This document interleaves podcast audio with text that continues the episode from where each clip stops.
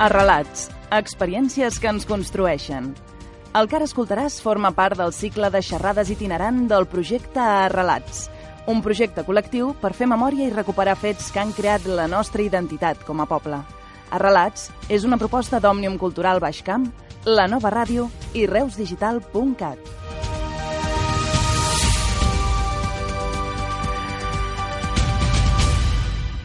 A continuació, portadors i exportadors dels nanos de Reus, membres de l'agrupament Escolta la Molassa, amb la xerrada des del somriure d'un nano, pronunciada el 12 de gener de 2018 a la seu de l'agrupament. Bé, a mi em fa una especial emoció ser aquí, perquè bueno, vaig arribar l'any 70-71 a Reus i jo havia fet escoltisme a Barcelona, al Mare de Montserrat, 3 anys de Llobató i 5 de Minyó de Muntanya vaig ser cap de patrulla i ho vaig viure molt, molt profundament. L'Isidre, que el conec des del 70-71 i som amics, doncs eh, em fa fer aquesta presentació de relats.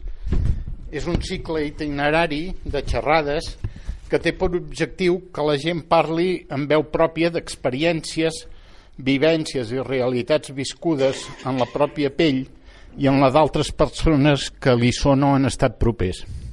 És itinerant perquè s'estructura al voltant de diferents entitats que acullen xerrades sobre la pròpia història de l'entitat i també d'altres convidats que tenen alguna cosa a dir.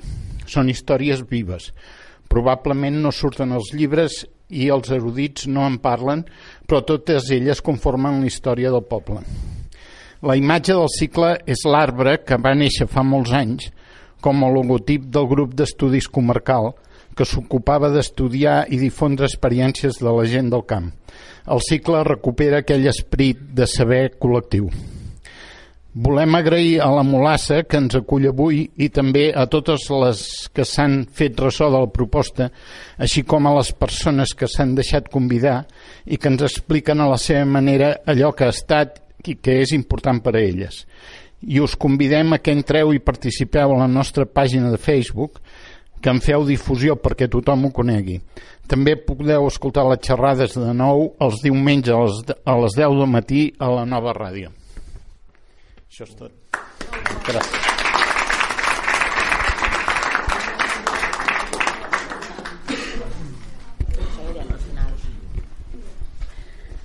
Bueno, bona tarda a tots. Um, faig una petita presentació dels que estem aquí sentats, que som els que parlarem. Um, una mica per ordre. El Ferran, bueno, jo sóc la Mar, us faré, sóc càrrec actual de Nanos, us faré la petita introducció de la història dels nanos aquí Reus i dels nanos de la Molassa. Després el Ferran, eh, com a membre de la primera generació de portadora de nanos, ens explicarà una mica la seva experiència. Després la Noe, com a, com a excàrrec de nanos, que en la seva època va ser, també ens ho explicarà. Uh, tenim tres llops, l'Alba Lirat i l'Oleguer, que són portadors dels nanos petits, um, quina experiència tenen ells, i el Jofre i el Pau, que són portadors de nanos grans i el seu últim any, no? I també ens explicaran una mica. Llavors, començo. Us explico una mica d'on ve... Bueno, aquí Reus eh, es coneix documentats capgrossos, n'hi ha des del 1774. Um, llavors, el 1899 eh, es volia celebrar al final del segle XIX, així amb una petita festa major, i llavors l'escultor barceloní eh, Eusebi Vidal va construir uns nanos, ¿vale? Els formaven una parella de catalans, de mallorquins, de valencians i de gallecs. Llavors els acompanyaven dos diables i conduïen la, la comparsa i demanaven propines. Llavors aquests nanos van sortir per primera vegada al 1900 i es van acabar deteriorant. Uh, durant el segle, finals del segle XVIII i XIX hi van haver mm, molts grups de nanos. El problema és que són un, un element una mica fràgil, sobretot amb els materials que s'utilitzaven anteriorment, llavors es xafaven molt ràpid i es feien nanos, es xafaven, se'n tornaven a fer que representaven eh, coses que no tenien a veure amb els anteriors, llavors hi va haver moltíssims tipus de nanos. El 1927, però, eh, quasi 30 anys després de que es construïssin aquestes quatre parelles, es va fer una nova comparsa. Per què? Perquè les anteriors es van deteriorar. Llavors, hi havia, en aquest cas, una parella de catalans, una d'aragonesos, una de gallecs i un dimoni. Aquesta, aquest grup de nanos, al cap de 10 anys, eh, va tornar a desaparèixer. Llavors, després de 10 anys de que la ciutat de Reus no tingués nanos, al 1947 Ràdio Reus va proposar la idea de fer un nou grup de nanos però finançat bueno, subvenció popular no? que ho financés el poble llavors per això es va cridar a, a l'escultor Modest Gené i va fer les quatre parelles que actualment coneixem com els catalans mallorquins, valencians i aragonesos que en aquell moment cada una representava una de les parts de la corona d'Aragó Llavors, el, va anar tan bé aquest, uh, aquest finançament que uh, es va demanar a El Ingenio, que era una botiga de Barcelona que antigament, no sé si actualment encara ho fa, sí, doncs va tancar fa un mes. feia gegants, feia nanos, es dedicava a això, doncs se'ls va demanar a aquella gent que es fes una parella més, perquè havien sobrat molts diners. Llavors la van fer i és al cap de poc temps ja se'ls va reconèixer com el xiquet i la xiqueta de Reus. Um, el xiquet portava una, una...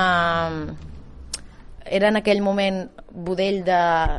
T'ho dic, bufeta de porc inflada, que més endavant ja ho van substituir per una pilota de goma, anava lligada amb un pal i bueno, espantava la canalla, era una mica violent. Uh, llavors, en aquells moments el material amb el que es feia els caps dels nanos eh, bueno, era molt pesat eren els caps molt grans llavors això el portador pues, el dificultava moltíssim el tema de visió tema de mobilitat i llavors eh, aquests nanos van acabar doncs, molt destruïts també. Per això al cap de 20 anys eh, se li va demanar a David Constantí que un artista reusenc que refés el model de nanos que havia fet Modest Gené. I, i així ho va fer, va refer les, les quatre parelles i el xiquet i la xiqueta que en el seu moment s'havia fet uh, s'havia fet a l'Ingenio de Barcelona es va refer completament. És a dir, els va substituir. Per es va basar, el xiquet en aquest cas uh, es va basar en el seu fill i la xiqueta es va basar en la seva dona.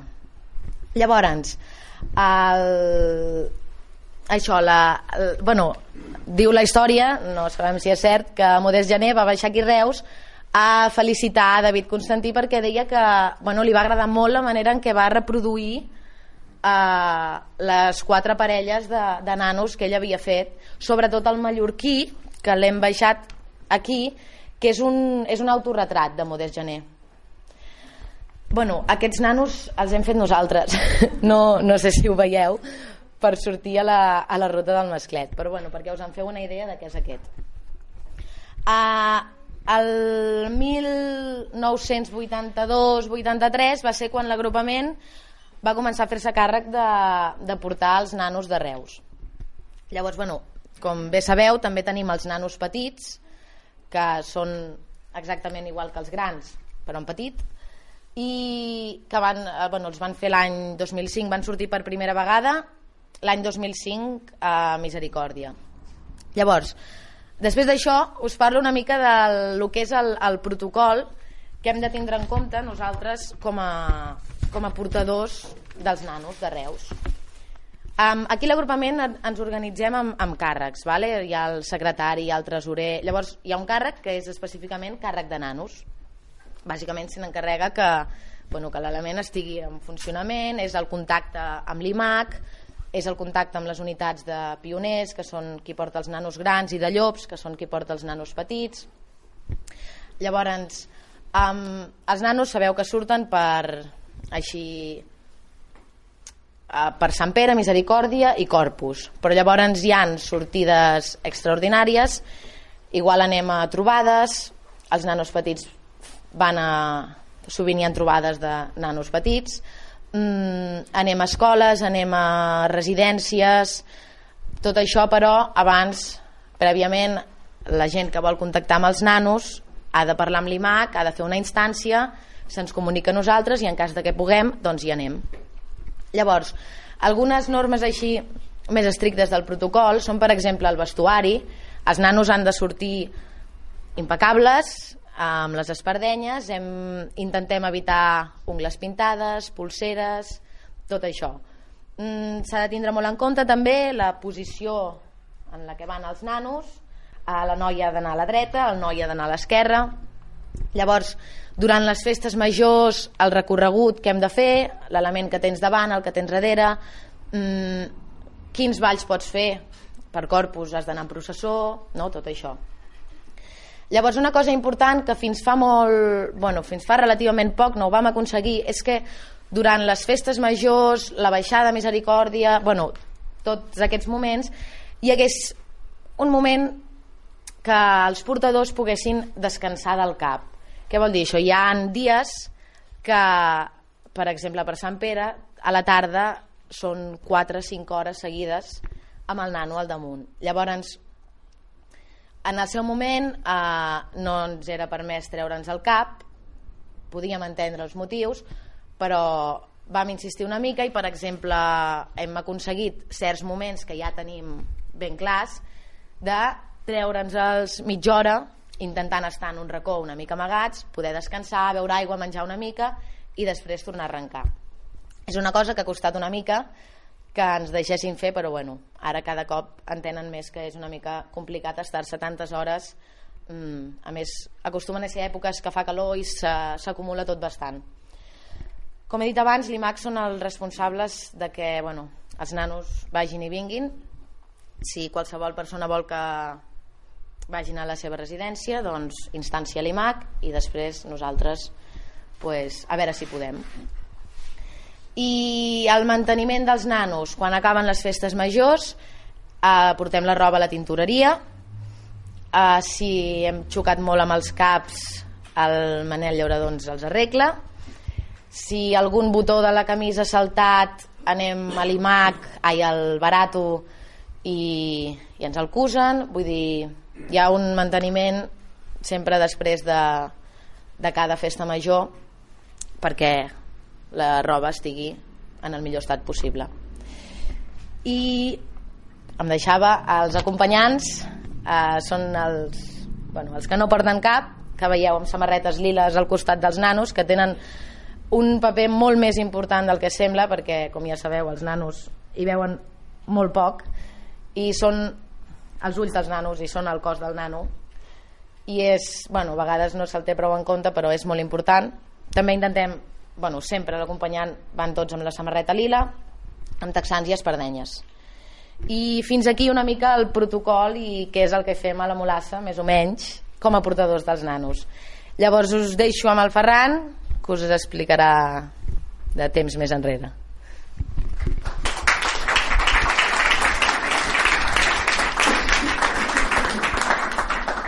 Bona nit, eh, em sento francament vell però no passa res. Uh, el pitjor de tot és que jo encara vaig amb els nanos.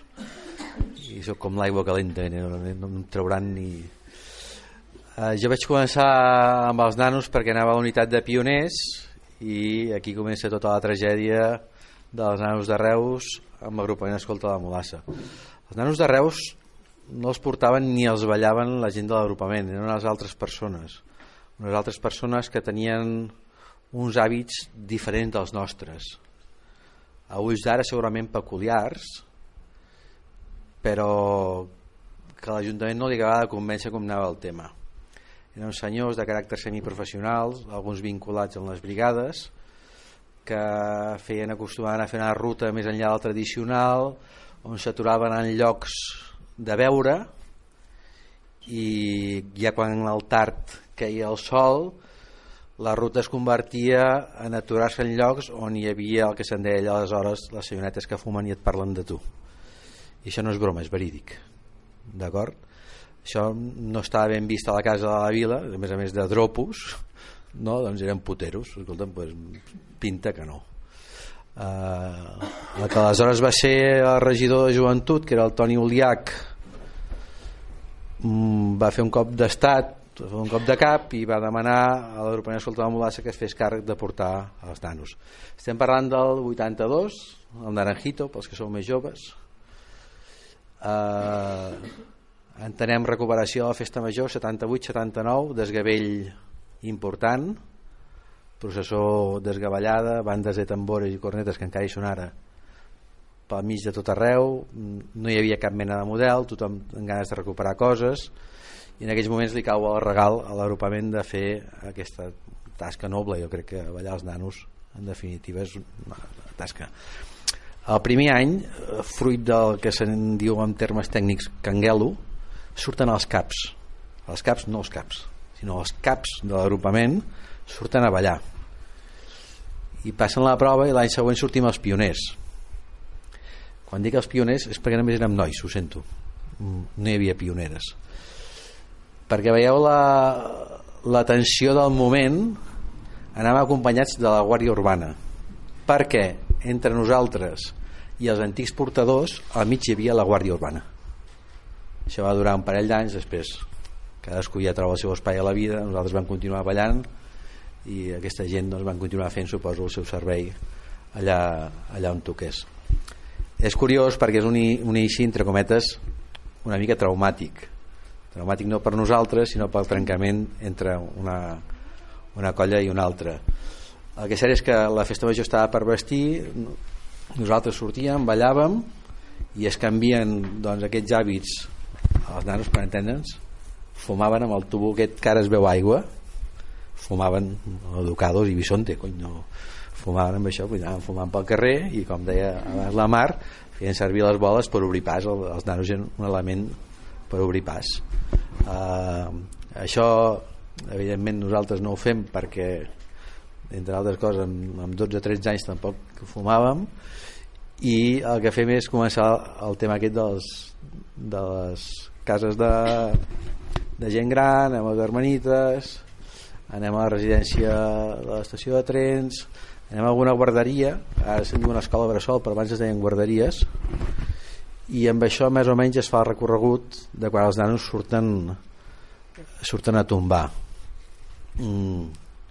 érem poquets érem tres per parella per tant te tocava un dia ballar un, no? matí ballaves, a la tarda descansaves i l'endemà tornaves a ballar era fàcil, no sabies quan, quan te tocava jo particularment com que abans m'ho han preguntat eh, ballava la mallorquina no sé si era per anar fresc de cames o, o per què i tota, tota, bueno, tota la litúrgia aquesta dels cops i tot això doncs, eh, funcionava igual. Ara es porten uns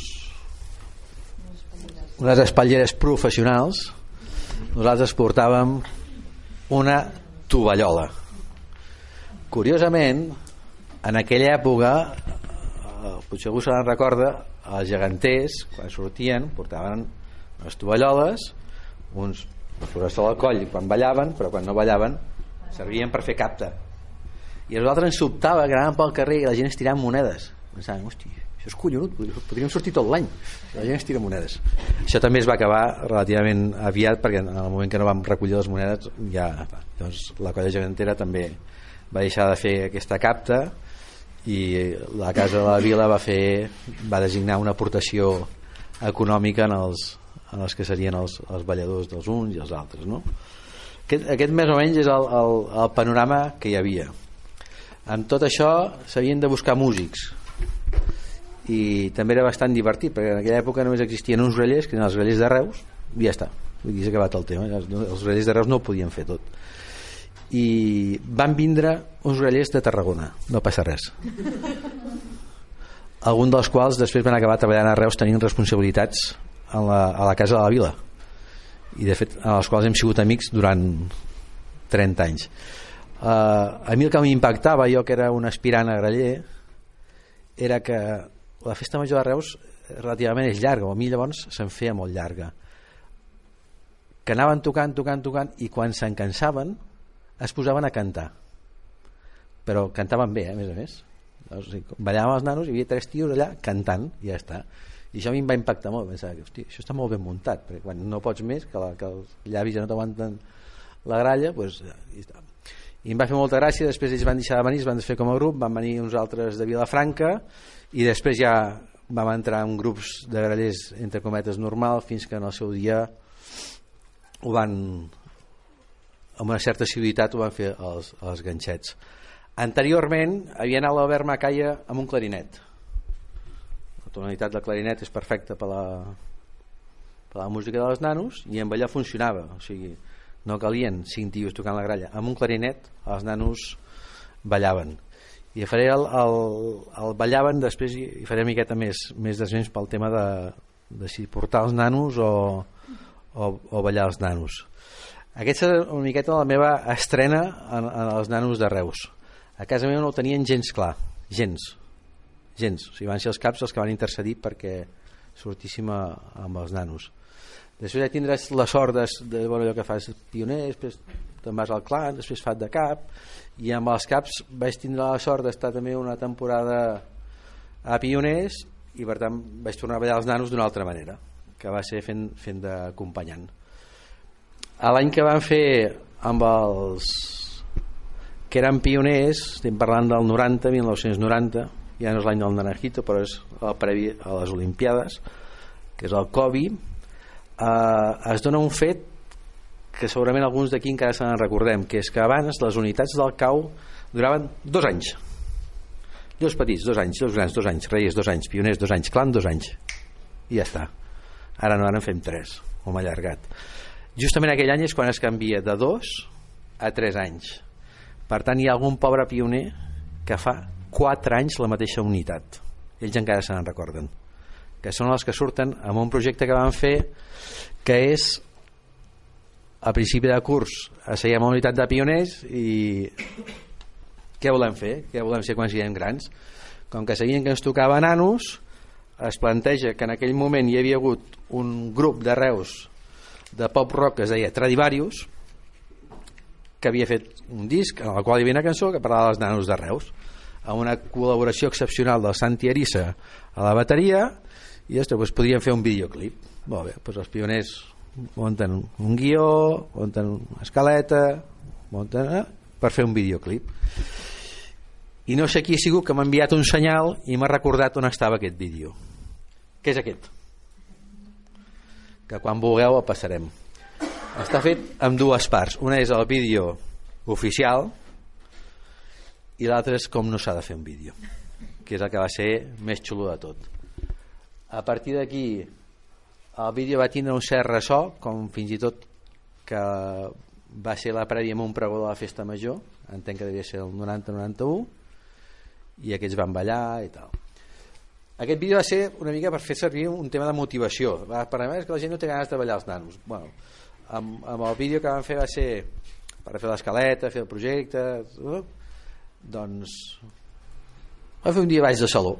Dius, tres una unitat de pioners fent baix de saló. Pues sí, va vindre un professor i va ensenyar a ballar. Hosti, segurament alguns dels nanos sabien ballar perquè algú els havia ensenyat baix de, baló, de saló. I no només eren el balset la cadena banda sinó que també feien passodobles al loro. I fèiem dos tipus de ball diferents me la jarana, la juerga, no sé no sé quantos eh?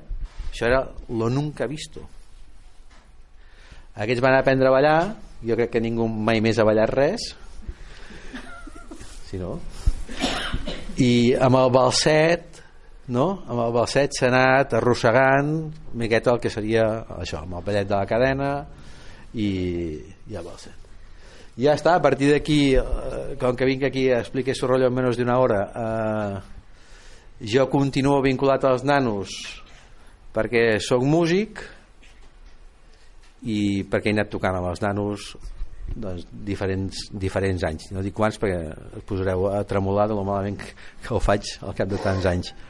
Uh, tocar amb els nanos és una cosa molt agraïda entre altres coses perquè et permet un repertori variat.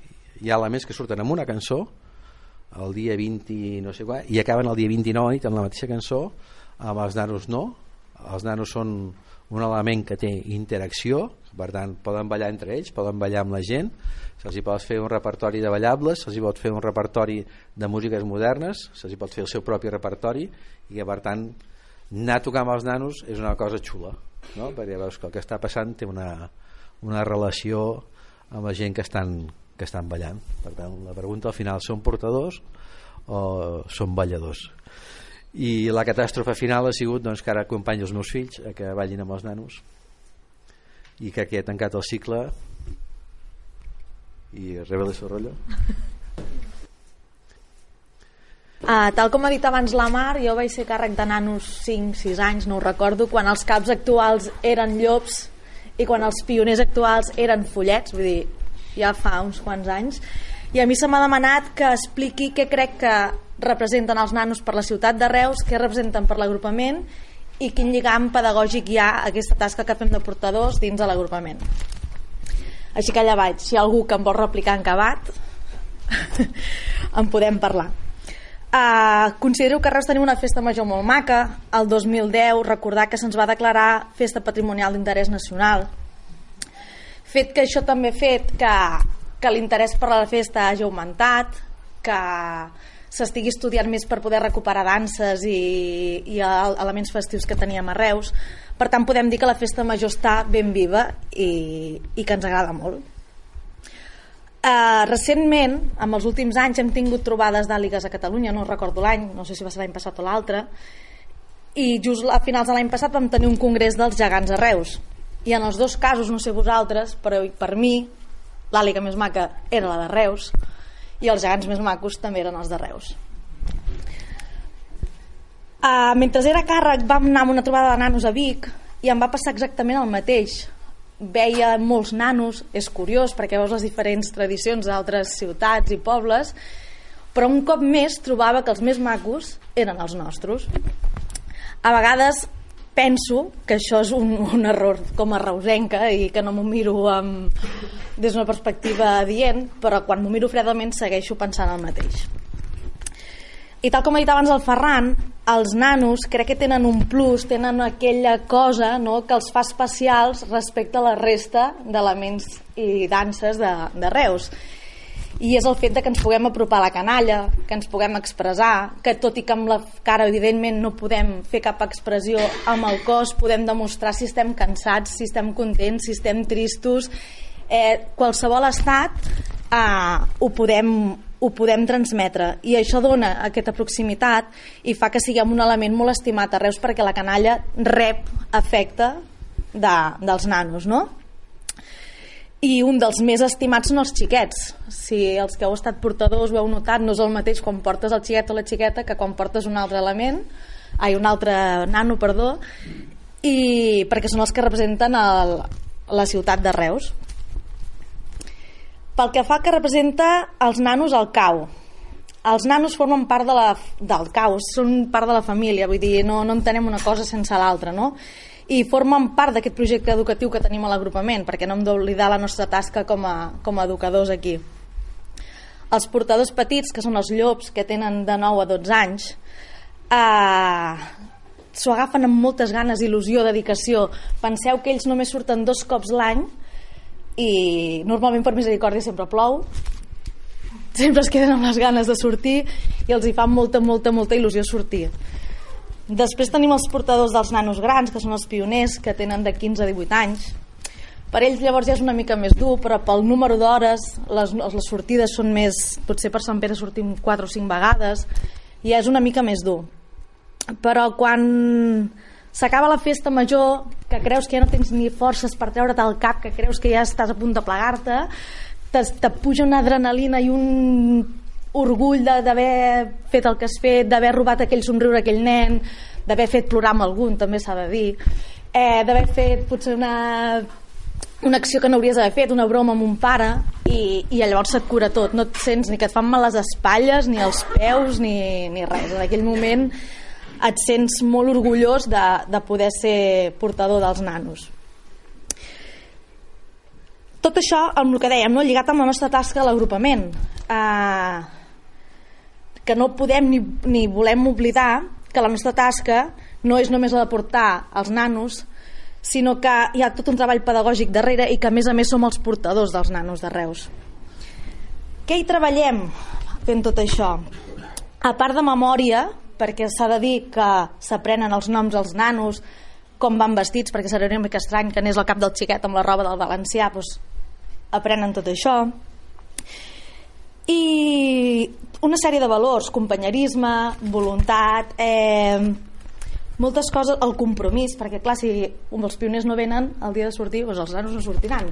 Per tant, si prenen el compromís de, de sortir, són moltes tasques que durant el curs i durant els caus i les acampades els, tot ho anem treballant i que van molt lligats també amb el tema de portar els nanos el tema històric que ha explicat la Mar, el que representa la, la que són la corona catalana-aragonesa, això també ho saben els nens, perquè si no no tindria cap sentit que traguessin un element i no sapiguessin què representa, no? Per tant, creiem que, que portar els nanos no només és una part festiva, sinó que també hi ha la part pedagògica que va molt lligat amb la nostra tasca que fem a diari a l'agrupament. Per, per mi tot és això si algú vol dir alguna cosa no sé. Bueno, doncs jo sóc l'Abril. Ai. Jo sóc l'Abril i sóc cap dels llops que veieu aquí. I bueno, ara els hi farem unes preguntes així perquè es puguin explicar una mica um, el que és portar, com se senten ells portant, el, portant els nanos i què és per ells portar els nanos. Llavors, primer de tot, bueno, qui, que pel micro. Quins són els vostres nanos preferits i quins us agraden menys i per què? Uh, a mi el meu nano preferit és el, el xiquet i el català el xiquet perquè representa Reus que és el, bueno, se va fer especialment aquí per Reus i el català perquè representa pues, el nostre territori el que, lo que som Um, el que m'agrada menys és la mallorquina perquè bueno, és, la, és la que pesa més i és la que porta més conseqüències de, bueno, de tot, de tot.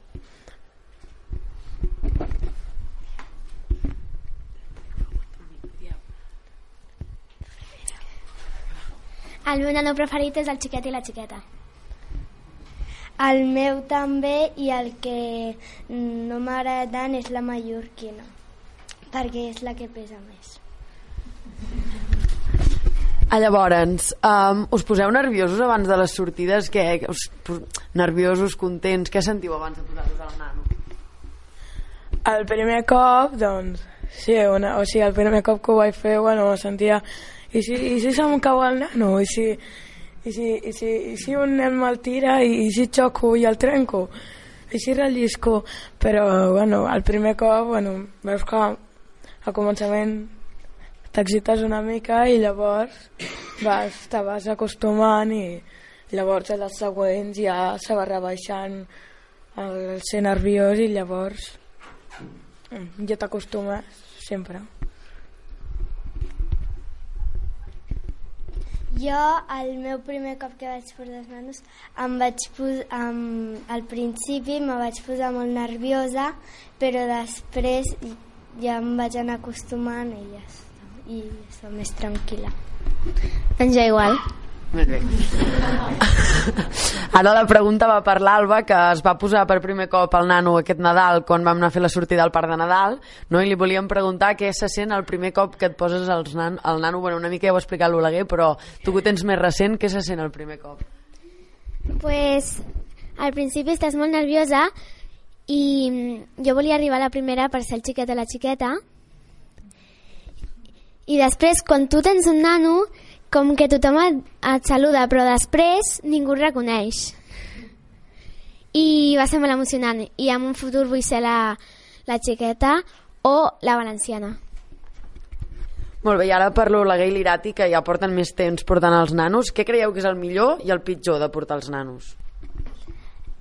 Lo millor és veure els nens amb la cara que estan molt contents i te saluden i, te volen, i volen fer fotos i el pitjor és que pesen molt i sues molt.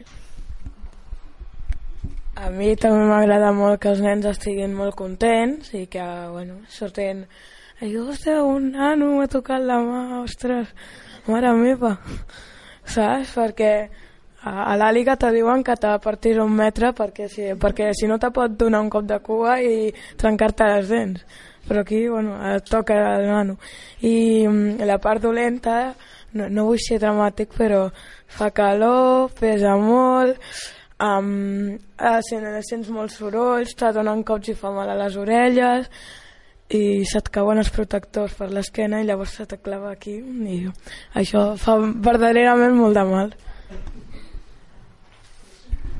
Molt bé.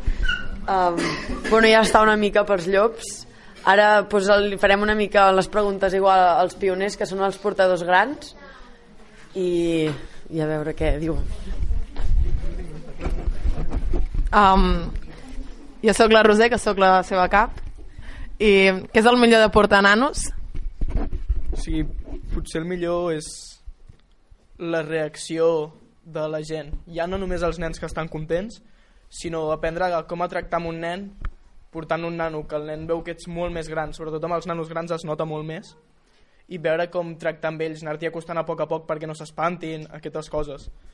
També a nivell interior, quan ja portes X dies portant els nanos, estàs cansat, veure com la resta de pioners mostren companyerisme i tu et fa mal això, doncs ja porto jo avui el nano, tu descansa, ja el portaràs a la tarda, anar-te repartint les coses. I què és el pitjor de portar nanos? Bueno, com ben han dit els llops, el pitjor de portar nanos és sobretot amb els nanos grans, que es nota més a l'hora del pes, quan se't mouen totes la, les, les espatlleres, o els dies de Sant Pere, sobretot Sant Pere, que fa molta calor, i sues molt i t'agòbies dins del nano. I què creieu que porten els nanos al seguici de la Festa Major de Reus que no porten la resta d'elements?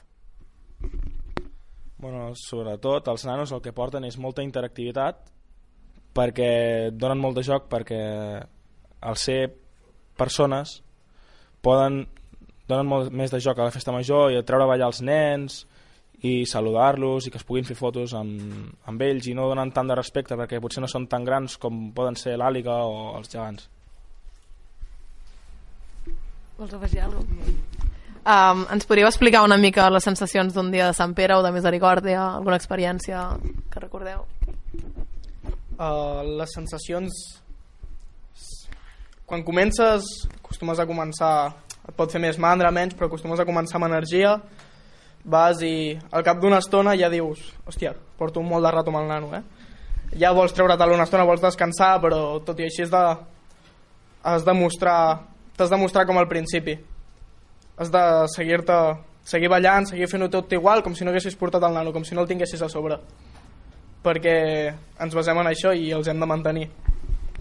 Per exemple, anècdotes això li va passar a ell que vam entrar a l'Ajuntament tots eufòrics perquè ja acabàvem tothom ballant i ell amb la mallorquina que és el nano que pesa més i no se'l podia treure. No li, no li podien desfer un nus i s'havia de quedar amb el nano. I tots sense cap ballant, contents, descansant i ell amb el nano. Sí, sí. Bueno, són anècdotes que sempre anècdotes de festa major que sempre pots explicar, no sé, li podres, pots explicar-li al teu fill si també l'apuntes al cau per veure si li passen amb ell també i així te n'enrius d'allà una estona.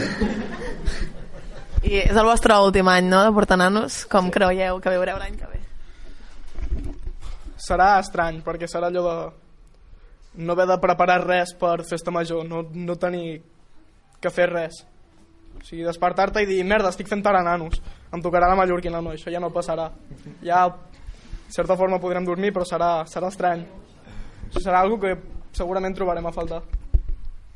Sí, bueno, és una cosa que trobarem a faltar molt perquè vulguis o no i et faci paresa, sobretot quan els últims dies que ja estàs cansat com que són 3 anys i aquests 3 anys són únics i no els podràs tornar a repetir doncs, suposo que quan et fas gran els trobes a faltar Sí, ostres. Vale, doncs moltes gràcies. Bueno.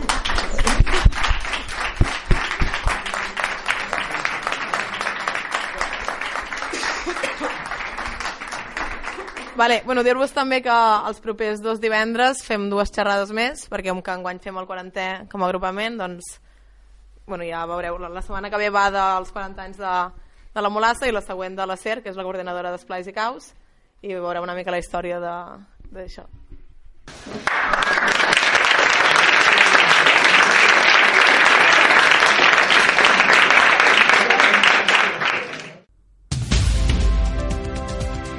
Arrelats, experiències que ens construeixen.